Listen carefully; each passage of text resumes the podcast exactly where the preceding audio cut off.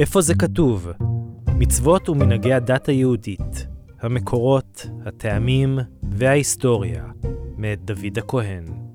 שלום וברכה, אנחנו בעוד פרק של איפה זה כתוב, איתכם דוד הכהן, והפעם, מדוע הדתיים מגדלים זקן ופאות.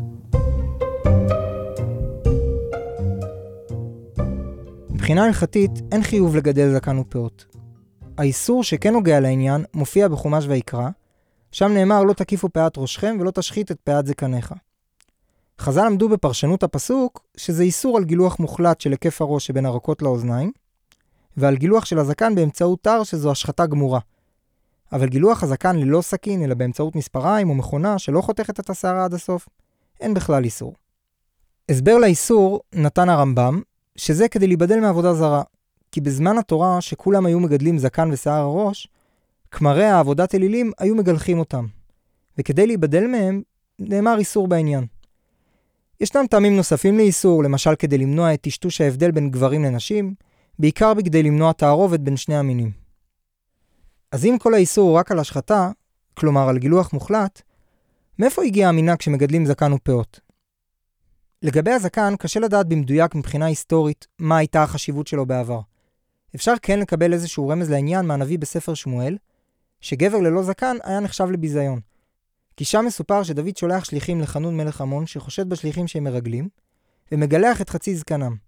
כשדוד שומע על כך, הוא מורה לשליחיו לשהות ביריחו, עד שהזקן שלהם יצמח בחזרה, והביזוי הזה היה עילה מספקת לדוד לצאת למלחמה בגללו.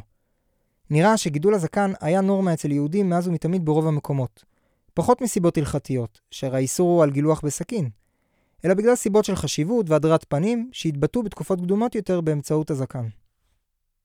נוסף על כך, ספרי הקבלה מעריכים מאוד בחשיבות גידול הזקן מסיבות מיסטיות רבות.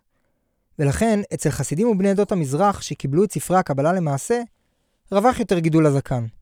לעומת ליטאים למשל, יוצאי מדינות מזרח אירופה, שאצלם ספרי הקבלה פחות נפסקו למעשה, ונפוץ גילוח הזקן באמצעות משחה או מכונה שלא נצמדת ממש לאור, ובכך זה לא נחשב לתער. זה לגבי הזקן. ומה לגבי הפאות? לגבי גידול הפאות, נראה שמקור המנהג הוא חלש יותר מאשר גידול הזקן.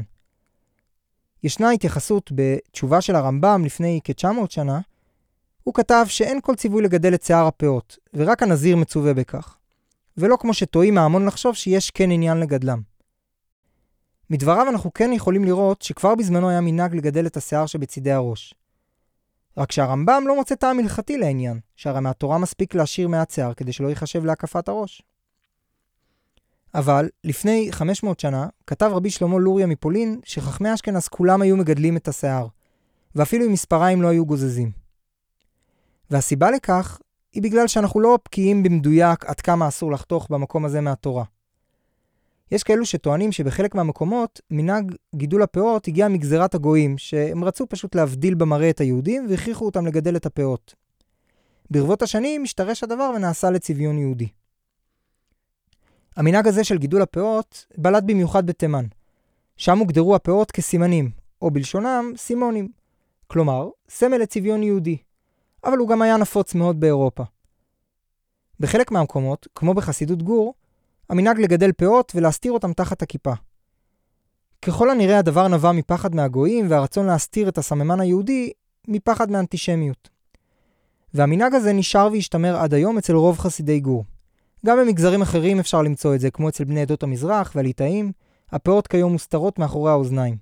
כנראה גם כן מאותה סיבה של פחד או בושה. לסיכום, אין חיוב הלכתי לגדל זקן ופאות. כן יש איסור לגלח את הזקן עם סכין שנצמד לבשר, וצריכים להשאיר מעט שיער בצידי הראש מעל האוזניים. אבל גידול הזקן והפאות נעשה ברבות השנים למנהג יהודי. גם בגלל ההתייחסות בקבלה לעניין, גם בגלל גזרות הגויים, וגם בשל הצורך להיעדר ולא להיכנס לספקות של עד כמה בדיוק מותר לגזוז. וכמו שאני תמיד אומר, גם ביחס למצוות ומנהגים אחרים, לצביון היהודי יש חשיבות גדולה מאוד בהתבדלות והמשכיות הדת. ולכן מייחסים לו חשיבות כל כך גדולה ומשמרים אותו בכל מחיר.